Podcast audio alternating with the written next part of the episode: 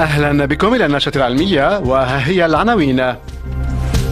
فحص اللعاب Ziwig Endotest للتشخيص المبكر لمرض بطانة الرحم المهاجرة حظي برضا الهيئة الفرنسية العليا للصحة. علاج جديد واعد لمرض شاركو أجريت أولى التجارب عليه على الفئران. الكاميرا LSST ستصبح أكبر كاميرا فلكية تراقب الكون من تشيلي.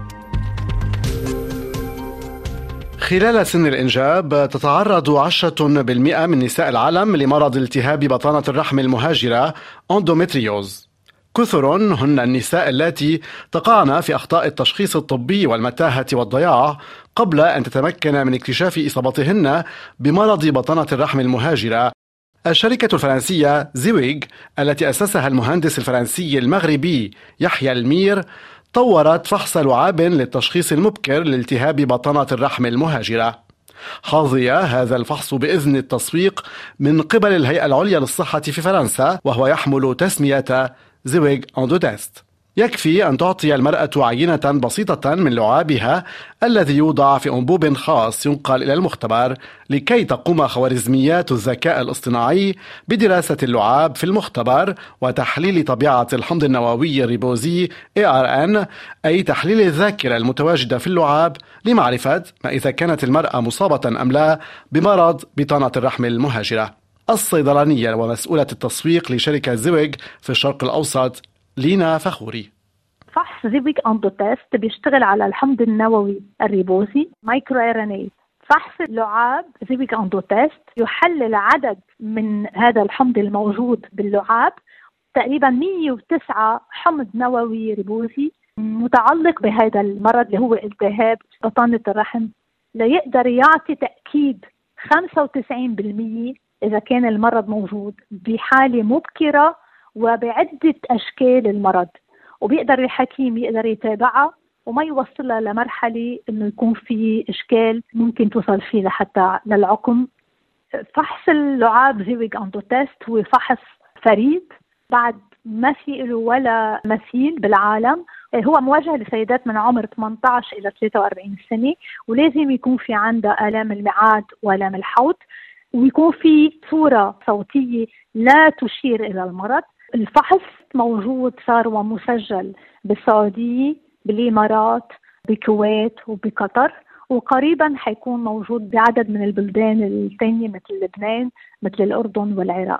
تسعى شركة زويج إلى أن يصبح فحصها معترفا به في الولايات المتحدة الأمريكية إذا ما علمنا أن تكلفة تحاليل فحص اللعاب للكشف المبكر عن داء التهاب بطنة الرحم المهاجرة تصل إلى 800 يورو. توصلت دراسة أمريكية أجريت على الفئران إلى علاج جديد واعد ضد مرض شاركو القاتل الذي لا تتوفر علاجات عصبية حامية منه لحد اليوم ما عدا الدواء كالسودي من مختبر بايوجين الذي يستهدف أشكالا معينة من المرض بعدما سمحت السلطات الصحية الأمريكية على طرحه في الأسواق في نيسان أبريل الماضي. مرض شاركو الذي يسمى أيضا بالتصلب الجانبي الضموري يصيب في الولايات المتحدة دون سواها نحو 30 ألف شخص تظهر عليهم علامات الشلل التدريجي للعضلات فيلازمون المنزل لتطرأ الوفاة بعد أقل من خمس سنوات على الإصابة.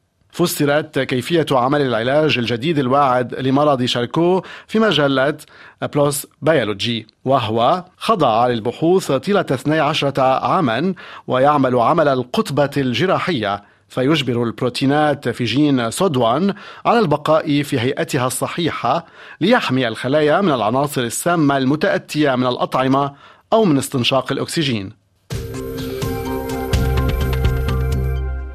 ضمن أحد أكثر الأماكن المناسبة للرصد الفلكي شمال تشيلي وتحديدا في مرصد سيرو باتشون سيركب مركز الأبحاث الأمريكي NOIRLab أكبر كاميرا فلكية يتم بناؤها على الإطلاق.